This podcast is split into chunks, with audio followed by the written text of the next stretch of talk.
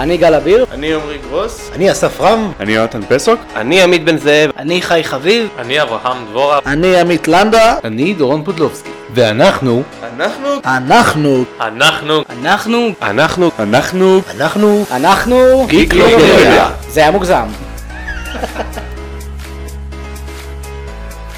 אתם מאזינים לגיקלופדיה המשודרת.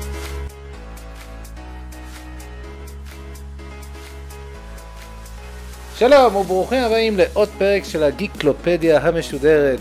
אני דורון פודלובסקי ואיתי בצד השני של המדינה נמצא עמית לנדה. עמית, מה קורה? היי דורון, הכל בסדר? מה שלומך? אה, מעולה, מעולה, לא יכול להתלונן בכלל כרגיל. אה, התגעגעתי אליך חברי היקר, התגעגעתי אליך. כן, גם אני מתגעגע אליך. עובדים, עובדים, ילדים. כן, אלה החיים שלנו. Uh, בכל מקרה למי שמצטרף אלינו, uh, היום אנחנו הולכים לדבר על דברים, uh, על דבר די מגניב, שזה ויכוח שאני uh, שומע אותו מלא פעמים בין uh, גיקים, נרדים וחנונים וכיוצא בזה, מה ההבדל בין פנטזיה, מה ההבדל בין מדע בדיוני ומה ההבדל בין פנטזיית מדע. יש לנו שלושה הגדרות, שלושה ז'אנרים שונים, שבעיקרון יושבים, אם אנחנו הולכים לספרייה העירונית שלנו או הולכים לראות סרט, הם יושבים באותו מקום, כולם מגדירים אותם כמדע בדיוני, כולם מגדירים כסייפיי, סיבה היסטורית, אז בואו בוא ניגש לעניינים. עמית, מה, מה דעתך בנושא? נכון, אז כמו שאמרת באמת ברוב, ה... ברוב חנויות הספרים הספרים האלה מצאו באותו מקום, בחנות שאני עבדתי לפחות היה רשום מדע בדיוני סלאש פנטזיה אבל באנגלית באמת נוטים לקטלג את זה אך ורק sci-fi, מתעלמים מהפנטזיה מדי פעם, והרבה פעמים זה פשוט מבורות של מי שמנהל את החנות ספרים או את הסניף הספציפי הזה. כמובן שפנטזיה ומדע בדיוני אלה שני דברים שונים, אפשר להעמיד את ההבדל basically על, על מהות הסיפור, מה, מה הגיבור שלנו עושה בסיפור, לפנטזיה יש את האלמנטים שלה, למדע בדיוני יש את האלמנטים שלו. בדיוק, בוא נעשה קצת, בוא נעשה קצת סדר באמת. בוא נתחיל, פנטזיה בעיקרון, תכלס זה היסטוריה יותר ישנה של דברים, כלומר דברים שנעשו בעבר, אם אנחנו נסתכל ממש אחורנית בזמן, כן. אנחנו ניקח את אודיסאה, את הרקולס, את אכיליס, נכון. כל הדמויות האלה, בעצם יצירה של הגיבור. נכון. ותמיד מדובר אבל... באלים, חצאי אלים, ומדובר בטבע. נכון, נכון, כל מה שאמרת נכון, אבל בעצם מה שהופך את סיפורי אודיסאוס לדוגמה, את האודיסאה לפנטזיה, זה לא רק הסאטירים, האלים וה... והיצורים השונים שמופיעים שם, אלא basically בגלל שהאודיסאה היא סיפור מסע. הגיבור שלנו, אודיסאוס, הוא עובר מסע מסוים, במקרה שלו זה מסע חזרה הביתה ממלחמת uh, טרויה, וכמובן גם הרקולס, הרקולס הוא חצי אל, הוא, הוא רוצה להצטרף לאלים על האולימפוס, אז הוא עובר מסע, uh, עובר 12 משימות, uh, שולחים אותו לכל מיני מקומות, אמא שלו החורגת רוצה להרוג אותו, זה, יש מסע מסוים שהדמות עוברת. אתה, מכנה, אתה, מתכוון, אתה מתכוון כמובן לנושא של מסעו של גיבור, שזה יש ספר בנושא שבעצם מתאר או מקטלג בעצם את רוב ספרי המדע בדיוני התחילו מהדבר הזה. הפנטזיה, אנחנו כן. נדבר על זה, ש... הפנטזיה, הפנטזיה סליחה. כן. נכון, אז כן. זה גולש גם למדע בדיוני ואנחנו ניגע בזה עוד מעט. נכון, המסע הוא למעשה מה, שמק... מה שהופך את הסיפור לפנטזיה.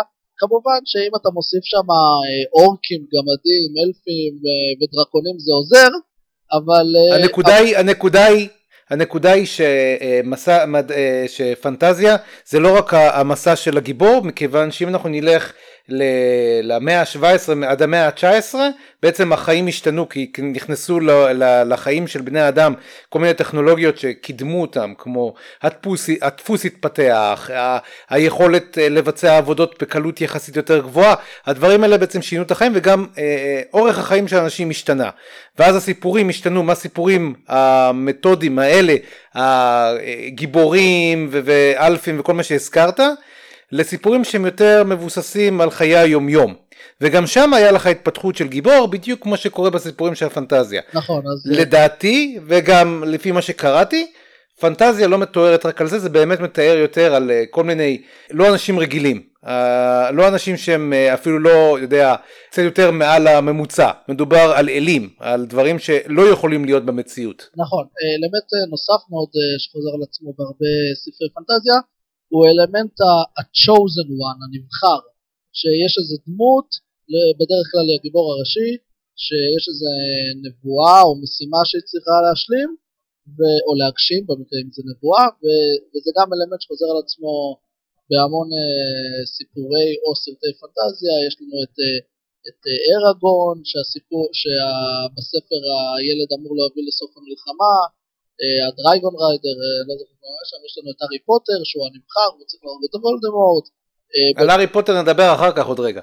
כן, ואיך קוראים לזה, ב Lord of the Rings, פרודו הוא הנבחר, הוא צריך להשמיד את הטבעת האחת, וגם ב Star Wars שלמרות שזה מתרחש בחלל יש את בטרילוגיה המקורית זה לוק סקייווקר הילד שאמור להביא ל balance ב force Star Wars למרות שהרבה אנשים מתבלבלים וחושבים שזה מדע בדיוני אה, בעיניי דווקא Star Wars יש בו המון אלמנטים של פנטזיה והוא פנטזיה לכל דבר אז במקום... הוא פנטזיה לחלוטין נכון, אין פה שום ויכוח במקום, אבל סוג אחר של פנטזיה. נכון במקום אלפים גמדים ואורקים יש לך שם כל מיני יצורי חלל וצ'ובאקה אחד שמסתובב ביניהם. נכון מאוד אבל אנחנו פה עכשיו נוגעים עכשיו בנושא נוסף שזה בעצם מגיע כתת ג'אנר של, של ה sci-fi אה, של המדע הבדיוני וזה באמת אה, מדע פנטזיה או פנטזיית מדע. אה, שזה אנחנו באמת ניגע בזה עוד כמה רגעים בכלל כי זה חלק מהנושא שלנו בכלל של הפודקאסט. אבל בואו בוא נסכם רגע את הנושא של פנטזיה באופן כללי. אז באזור של פנטזיה באמת אנחנו יכולים לראות את Lord of the Ring, Game of Throne, הארי פוטר ורבים וטובים שזה בעצם גם ספרים וגם סרטים בקטע הזה.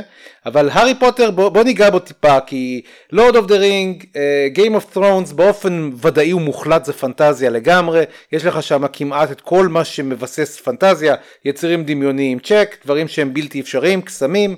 מסעות שהגיבורים עוברים כן. ומסע שהגיבורים עוברים.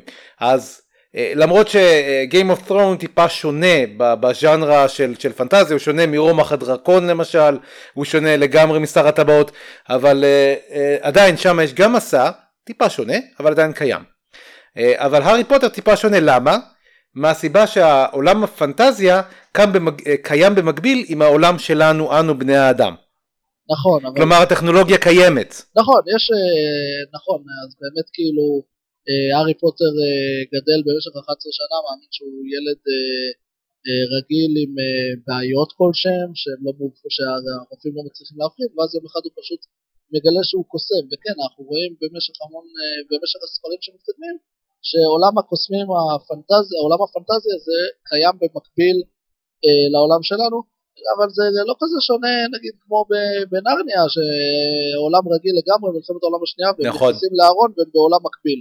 אז סבא, נכון מאוד, אבל, זה אבל... ממלכה מקבילה ובהארי פוטר אה, זה ממלכה בלתי נראית למוגלגים אבל בעיניי זה פנטזיה לכל דבר כי גם 90% מהעלילה מתרחשת בעולם הקסמים כאילו בעולם הקסמים נכון אין התייחסות לעולם בני האדם זה פשוט אנחנו במקרה שם אנחנו מוכרים להם ב... במה שהם נכון. עושים. אני מסכים איתך לגמרי, הארי פוטר בכלל מוגדר לחלוטין כפנטזיה. ההשק היחידי בין העולמות זה שר הקסמים שיושב בממשלה הבריטית, זהו. נכון מאוד, נכון מאוד. שזה באמת איזשהו קשר לעולם הזה. זה, אה, אבל הזכרת את נרניה, אה, אחלה ספר, אה, עשו לזה גם אדפטציה מעולה גם לסדרה בריטית וגם לסרט לא רע. הסרט פחות טוב מהסדרה לטעמי, אבל הספר ממש מעולה, אז אני, אם אתם הקור... המאזינים לא קראתם אותו, תקראו אותו. הסרטים אמנם טיפה ילדותיים, אבל אהבתי את כל הארבעה, אני חייב. כן, הם מצוינים, אני דווקא מאוד אהבתי אותם. אבל קראתי אותם בתור ילד, אז יכול להיות שהמחשבה שהיא בתור ילד. אולי, אז אולי. איך תדע. אבל זה ספר טוב בכל מקרה. אה, אבל אה, הרעיון של נרניה דרך אגב יש מצב גם שזה אה, יותר פילוסופי פסיכולוגי מבאמת פנטזיה כי יכול להיות שהעניין שהילדים שנכנסים בעצם לתוך ארון הבגדים זה איכשהו דרך להתמודד עם המציאות של מלחמת העולם השנייה. שזה דיון בפני עצמו אם אפשר להיכנס אליו. אבל כן הוא גם מוגדר לגמרי כפנטזיה. כל העלילה מתבצעת מתרחשת בעצם בעולם הדמיוני של נרניה אז אין פה באמת ויכוח בכלל לגבי מהו אז אה, כמו שהזכרנו אה, פנטזיה באמת אה, עדיין ממשיכה אבל בעיקרון ה science fiction יותר נכנס, המדע בדיוני יותר נכנס בעצם לעניין, החל מהמאה ה-19, המאה ה-18, המאה ה-19, אה, אתה זוכר מי בעצם הספר הראשון שהיה סנונית של מדע בדיוני? אני לא זוכר את שם הספר הראשון שהוא הוציא, אבל בעיניי סופר המדע בדיוני הראשון ואחד הטובים עד היום זה ז'ול ורן. אה, ז'ול ורן באמת אחד מהחלוצים, הוא נחשב לאבי המדע הבדיוני, אבל האימא של המדע הבדיוני היא כמובן, מרי שלי. צודק בהחלט. כן, בר, ברחה לי מהראש לרגע, פשוט אני כל כך אוהב את ג'ול ורן, היא ברחה לי מהראש. לא זה בסדר גמור אבל uh, המפלצת של פרנקנשטיין uh, בפרנקנשטיין עצמו זה בעצם הספר המדע הבדיוני הראשון אבל לפני שניגע בכלל במדע בדיוני בואו ננסה להסביר למאזינים מה זה בכלל מדע בדיוני.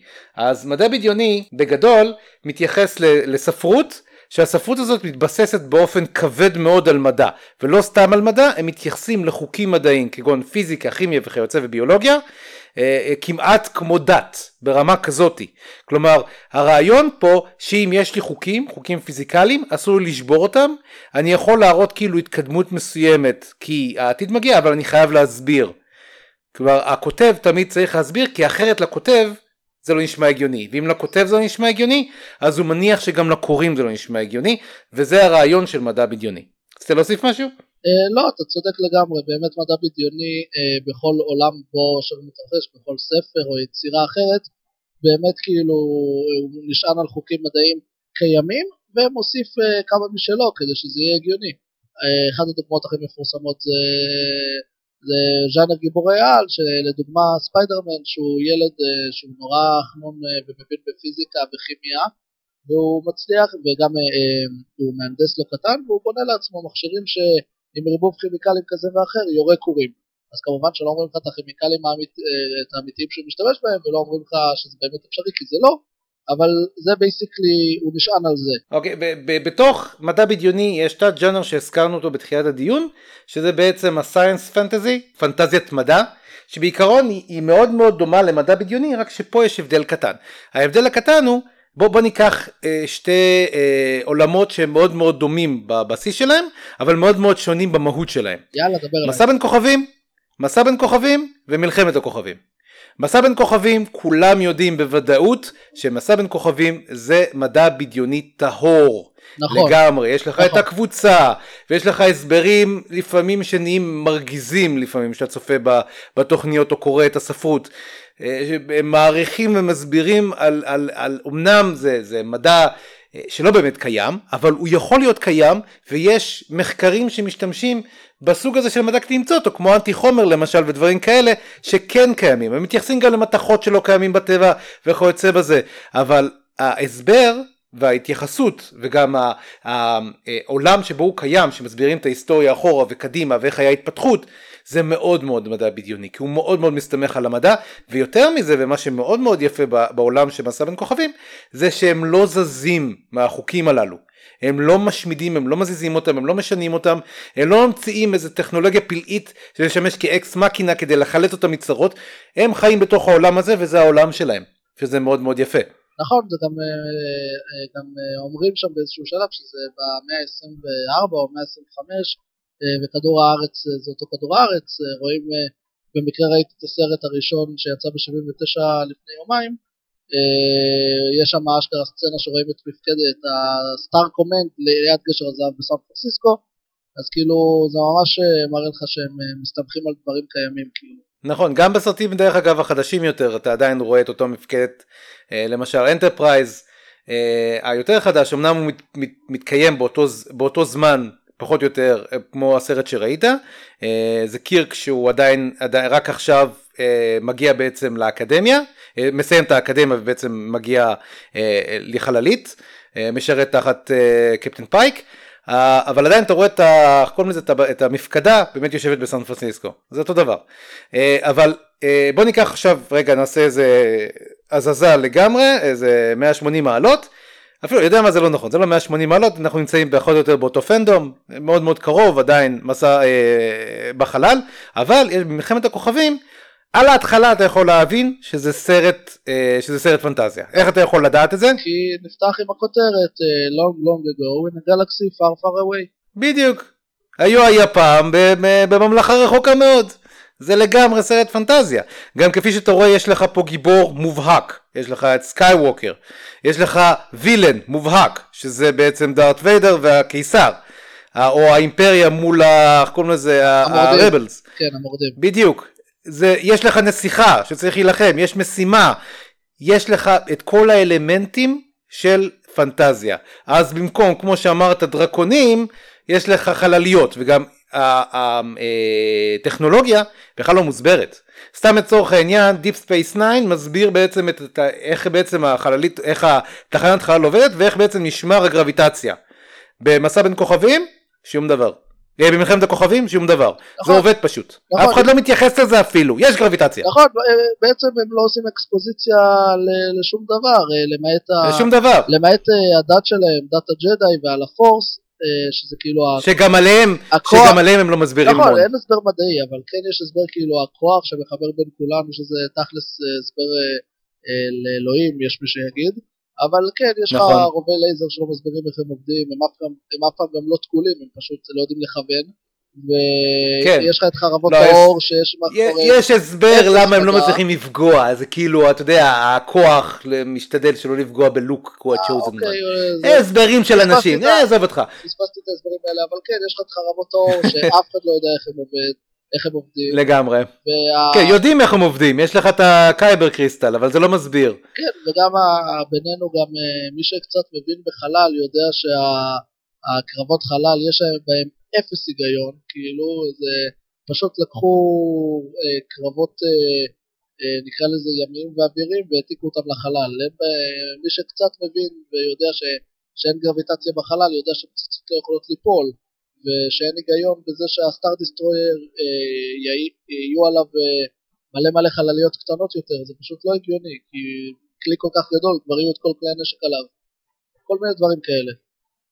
נכון, ת- תשמע, אפשר לשחק, יש, יש ערוצים מצוינים דרך אגב ביוטיוב, אה, שבעצם מסבירים את זה כמו about, אה, about science שהוא ממש ממש מגניב, אתם יכולים, אה, שאפשר באמת, הם מנסים להסביר, לקחת כאילו חוקים אמיתיים של כדור הארץ ולהשליך אותם על סרטי מדע בדיוני וסרטי פנטזיות מדע בדיוני, שזה, הם מסבירים וזה יכול להיות, וזה, וזה כאילו נשמע לך יותר הגיוני, אבל כן אתה צודק, כאילו גם הדבר הכי פשוט, הכי דבר, הכי ברור מאליו, אין אש בחלל. נכון. לא יכול להיות אש בחלל.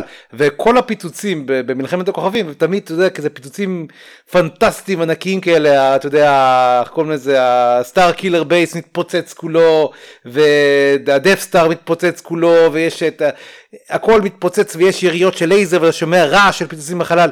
לא תשמע כלום בחלל. נכון. כלום. נכון. יש ואקום. אין רעש. אין רעש, אז אתה פיצ'ו כן, פיצ'ו פיצ'ו לא יהיה דברים כאלה. יהיה רעש של מתכות אולי, גם לא, אתה יודע, כי יש ואקום, אין כלום, לא שומעים רעש.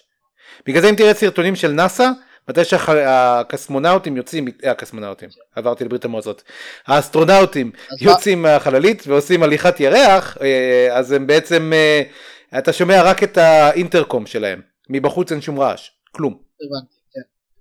אה, אז התחלת להגיד גם משהו על אה, פנט- פנטזיית מדע? מדע פנטזיה? science fantasy. כן. science fantasy, זה, זה הז'אנר. אז uh, בעיקרון מסתמך על pseudo science, זה כל הרעיון. אין חוקים.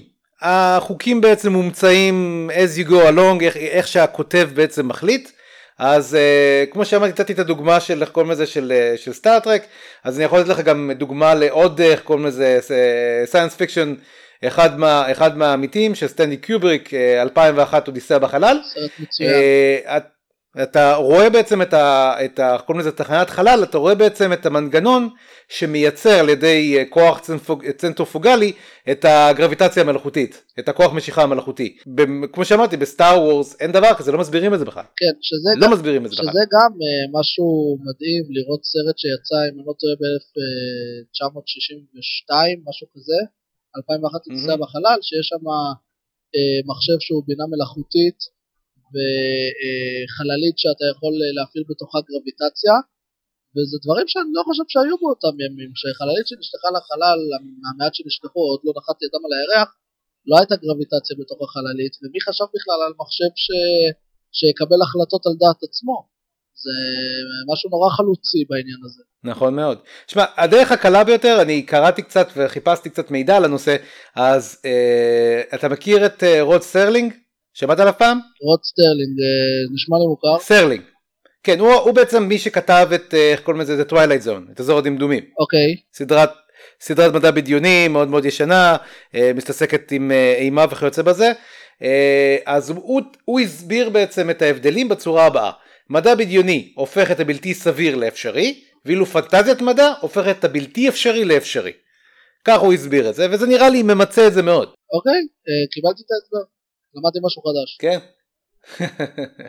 אז בוא נעשה קצת, אה, רוצה לשחק איתי איזה משחק נחמד? יאללה, דבר אליי. יאללה, אני הולך לתת לך עכשיו שמות של סרטים, אה, ואנחנו בעצם נעבור ונראה מה זה מדע, מדע בדיוני ומהי פנטזיית חלל. כאילו עשינו כבר, עשינו כבר כמה, ואנחנו נעשה את זה גם יאללה, עכשיו. פנטזיית מדע, יאללה, דבר. יאללה, אז בואו נתחיל קודם כל מהברור ביותר, אה, מטריקס, לפי דעתך? מטריקס זה אה, אה, מדע בדיוני. אתה חושב שזה מדע בדיוני? לא, פנטזיית מדע. ככה שינית את דעתך בכזאת קלות. כן, פנטזיית מדע. אתה, לפי דעתי אתה צודק לחלוטין, זה בהחלט פנטזיית מדע. אה, מהשיבה הפשוטה שאין חוקים שם, אין חוקים. אם שמת לב, הם שברו את החוקים. למרות שאפשר להתווכח ולהגיד, החוקים שנשברים הם בעולם הדיגיטלי, והחוקים האמיתיים נשברים אך ורק ב... החוקים האמיתיים נשמרים בעולם האמיתי. כלומר, אתה לא יכול לרחף באוויר בעולם האמיתי. נכון. אך ורק בעולם הזה. אבל, אממה, מכיוון שהבסיס של הטענה של הסרט היא מופרכת לחלוטין ולא הגיונית, שכולנו הפכנו לבטריות, הופך את זה בעצם לפנטזיית מדע. נכון. וגם, אם אתה רואה, גם פה יש לך את המסע, את המסע של הגיבור, הגיבור היחיד, כן, ה-chosen one, כן. אז אתה מקבל בעצם את כל זהו, האלמנטים אז- של אז פנטזיית מדע. בגלל- בגלל ששכחתי מה-chosen one מהאפקט הזה, אז אה, בגלל זה שיניתי את התשובה שלי, נזכרתי ב-chosen one, זה- זה מה שעשה לי טריגר לתשובה. יפה מאוד. אתה רואה? אני אפילו לא הייתי צריך להגיד כלום. יאללה, בוא ננסה עוד אחד. The Martian. The Martian, זה מדע בדיוני. לגמרי מדע בדיוני, אה, הם עשו עבודה מאוד מאוד טובה, הם פספסו בכמה פרטים אבל הם עשו עבודה ממש ממש טובה כדי כאילו להראות את היכולת של הישרדות של בן אדם במאדים, נכון יש הרבה דברים שהם השתמשו כדי לפתח עלילה אבל בגדול זה sci-fi טהור, אה, למי שלא הבין על איזה סרט אנחנו מדברים, איך קראו לסרט הזה בעברית? להציל את אה, מרק. ווטני, מי שלא הבין על איזה נכון, להציל, בעברית, נכון מאוד, מ-2015, נכון, בעברית הוא פורסם להציל את מרק ווטני. נכון. אז בואי נעשה עוד אחד, אחד אה, מה, מה, מהסרטים הקרובים לליבנו מאוד, סרטי מארוול, Guardian of the Galaxy. Guardians of the Galaxy הוא פנטזיית מדע לכל דבר. פרופר לחלוטין, אין פה בכלל ויכוח. לעומת, לעומת גיבור אחר שמתרחש בעולם הזה בקומיקס, ה Silver Surfer, שהוא אה, דווקא פנטזיה טהורה, אין לו כאילו, אין לו טכנולוגיה, הוא לא משתמש באפקטים של מדע בדיוני, הכוח שלו מתבסס על power cosmic, דבר מומצא לחלוטין, והוא עובר מסע כזה של redemption, שהוא נלחם בגלקטוס, הנבל ה- היחיד שהוא מעל כולם, זה פנטזיה טהורה לגמרי. גם Guardian of the Galaxy זה גם פנטזיה טהורה לחלוטין. אה, לא טהורה, סליחה, זה פנטזיית אה, מדע לחלוטין. אה, גם, גם סילבר סלפר אני מסכים, אני מקבל את זה שזה פנטזיה וזה גם פנטזיית מדע מכיוון שעצם העובדה שזה מתקר... אה, מתרחש בחלל, יודע מה, אפשר, אפשר לקרוא לזה פנטזיה, אוקיי, סבבה, אני מקבל את זה, זה יהיה פנטזיה, סבבה. יאללה, קיבלתי. אה, נראה לי שכן. בוא, בוא, אה, את- המאזינים שלנו, אם אתם חושבים שאנחנו מדברים שטויות, אתם אה, תרגישו חופשי לתקן אותנו בקומנטס, תכתבו לנו מה אתם חושבים על כל, כל סרט שאנחנו העלינו. אם אתם חושבים שאנחנו טועים, תנו לנו נימוק משכנע ונראה, אולי אתם צודקים. יאללה, סרט אחר. אינטרסטלר, אינטרסטלר זה, זה פנטזיית מדע, לא, אני יודע את זה מהטריילר, לא ראיתי את הסרט עדיין, אבל אני יודע אתה טועה יקירי.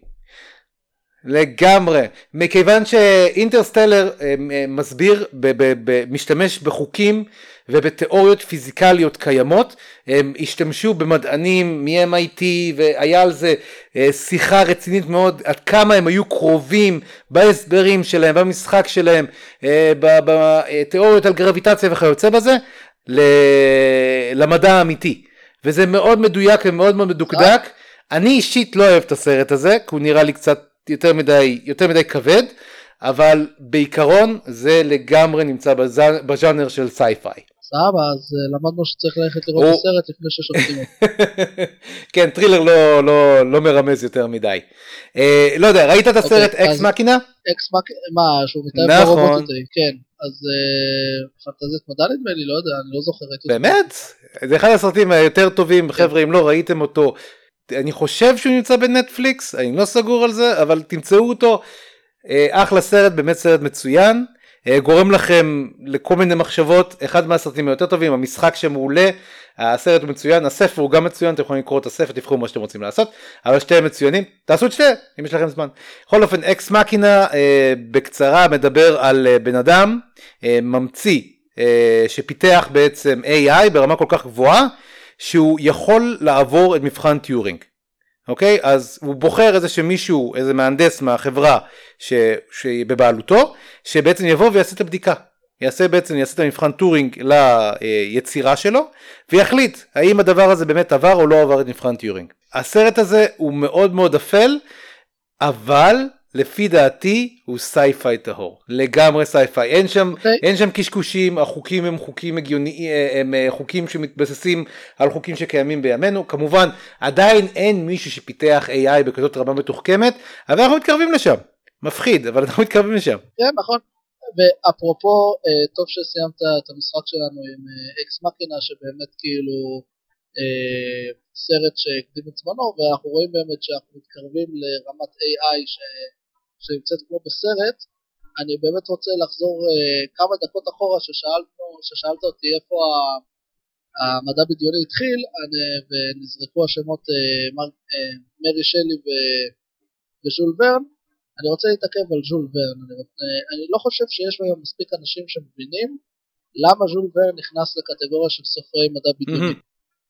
ז'ול ורן כתב את הספרים שלו באמצע המאה ה-19 ואחורה, בשנות ה-1800, והוא כתב את הספרים שלו, יש לו אה, מעבר ל-80 יום מסביב לעולם, שזה הכי מפורסם שלו, יש לו אה, את הספר מסע אל בטן האדמה, ויש לו ספר אה, המסע אל הירח, ו-20 אלף מייל מתחת למים, שזה עוד ספר נורא מפורסם. יש לך, הספר הראשון. שלו, הספר הראשון שלו, אה, רוברט הכובש, ב-1886, הוא מתאר את האלבטרוס, שזה בעצם איזושהי ספינת אוויר ענקית שמופעלת עם מנועים חשמליים, עם פולפלורים חשמליים, שזה מטורף. שזה בעצם זה הצפלין. צפלין וזה גם בעצם מביא את הרעיון למסוק. נכון, אז זה בדיוק מה שאני מנסה להגיד, שז'ול ורן כתב על, על המצאות שלא היו קיימות באותם זמנים, הוא כתב על צפלין ועל חלליות ועל צוללות, והוא כתב על כל כך הרבה דברים שלא היו קיימים באותם זמנים, והוא פירט אותם לפרטי פרטים,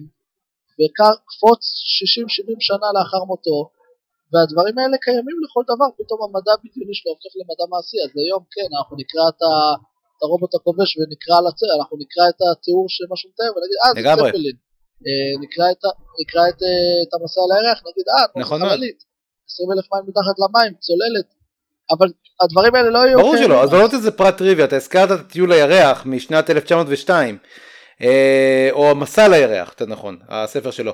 הספר הזה בעצם, הסרט, הסרט הוא טיול הירח, הוא ב-1902, אתה יכול לראות אותו, ב- אתם יכולים לראות אותו ביוטיוב, פשוט תחפשו Trip to the Moon מ-1902, יש את כל הסרט, זה בעצם סרט, סרט מדע בדיוני, או מדע פנטזיה האמת, כי זה מאוד פנטזיונרי, הם נוחתים בירח ויש כל מיני יצורים.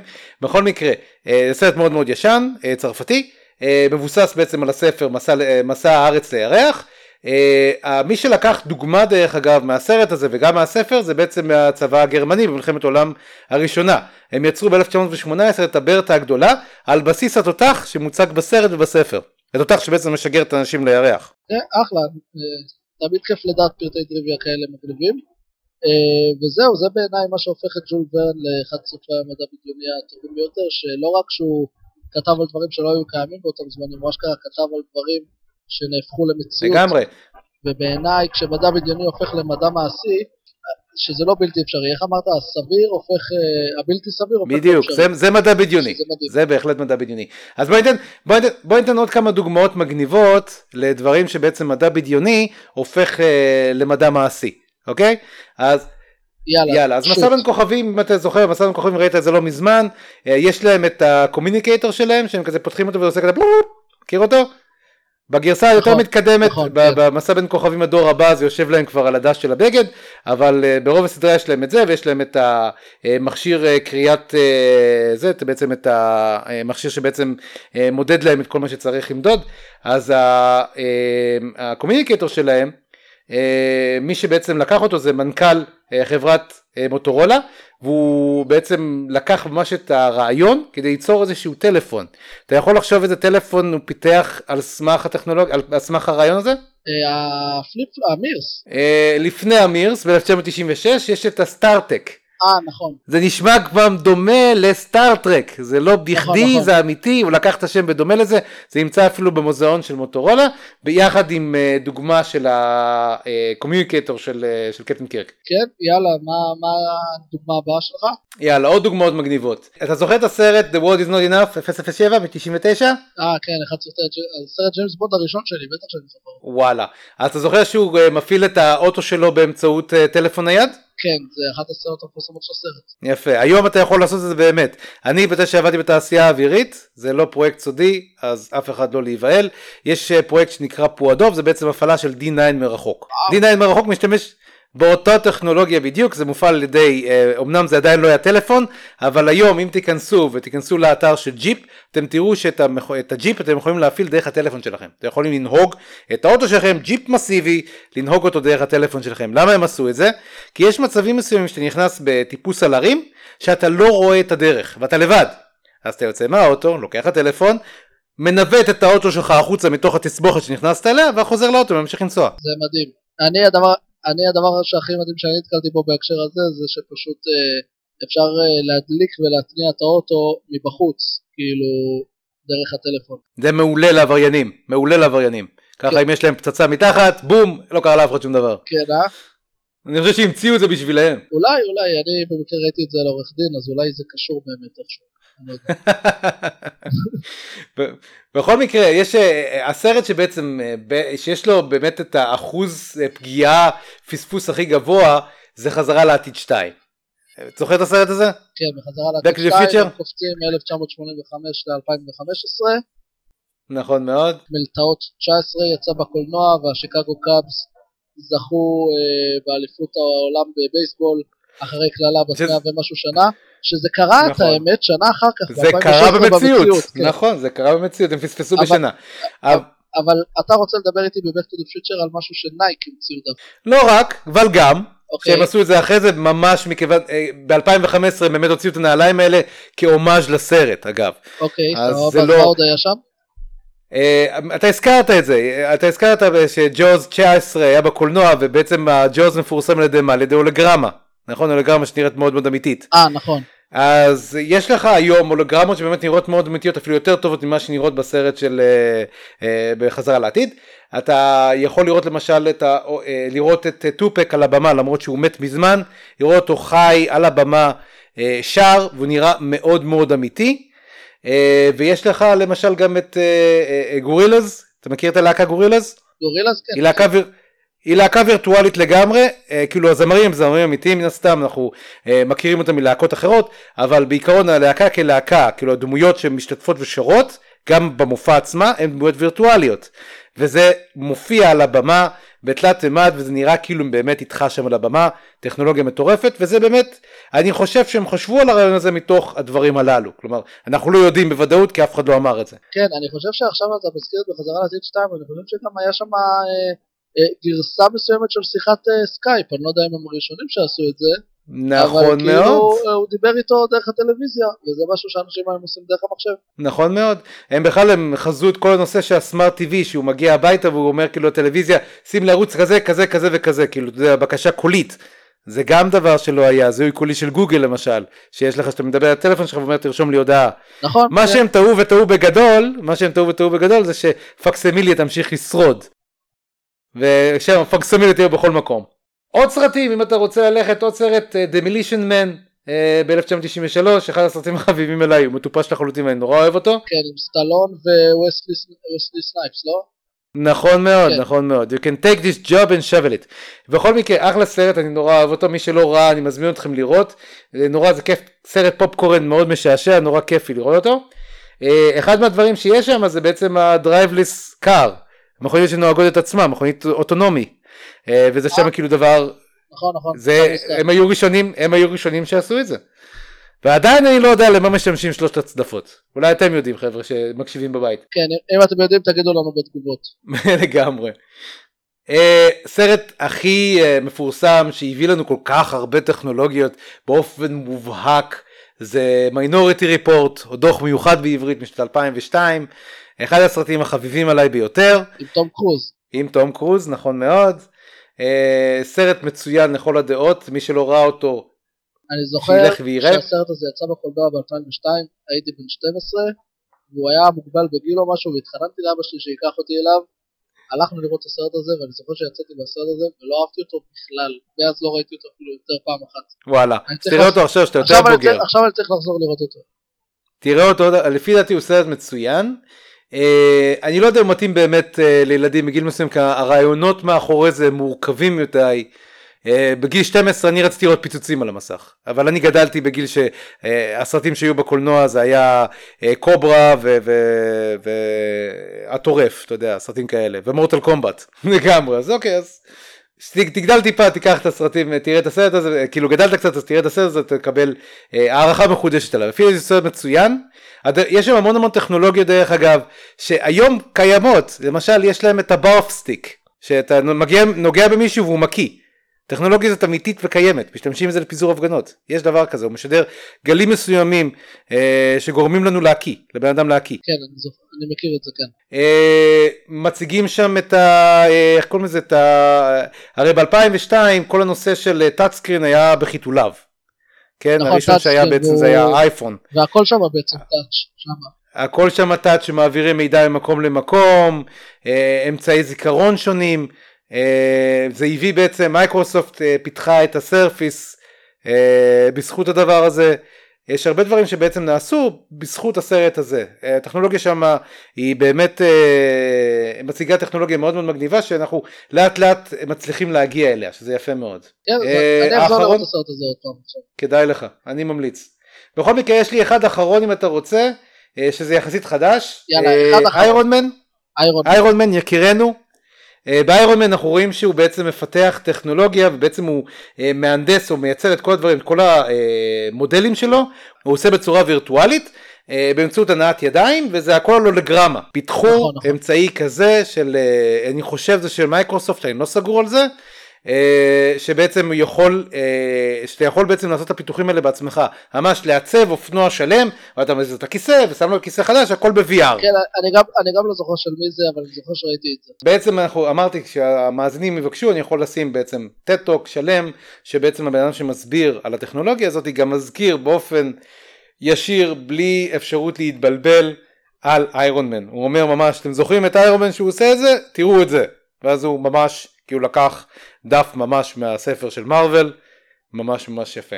לך יש איזה רעיונות כלשהם של דברים שראינו אתה אלוף בקומיקס אז בטוח יש לך איזה משהו מגניב לשלוף מקומיקס. שוב, רוב הקומיקסים יצאו כאילו, הדברים הקלאסיים יצאו בשנות ה-40 וה-60, וזה זה דברים שבטוח בטוח מישהו כתב משהו איפשהו וזה זה הגיע בצורה כזו או אחרת לעתיד, כאילו מישהו המציא את זה, זה אין, אין לי ספק בכלל ש, שזה אני פשוט. מסכים איתך לחלוטין.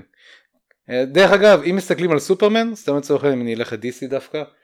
אה, אם מסתכלים על סופרמן בספרים ספרי קומיקס הראשונים שלו זה לגמרי מדע בדיוני. לגמרי מדע בדיוני. אה, הוא מגיע מהחלל בכוכב שלו היה טכנולוגיה יותר מתקדמת.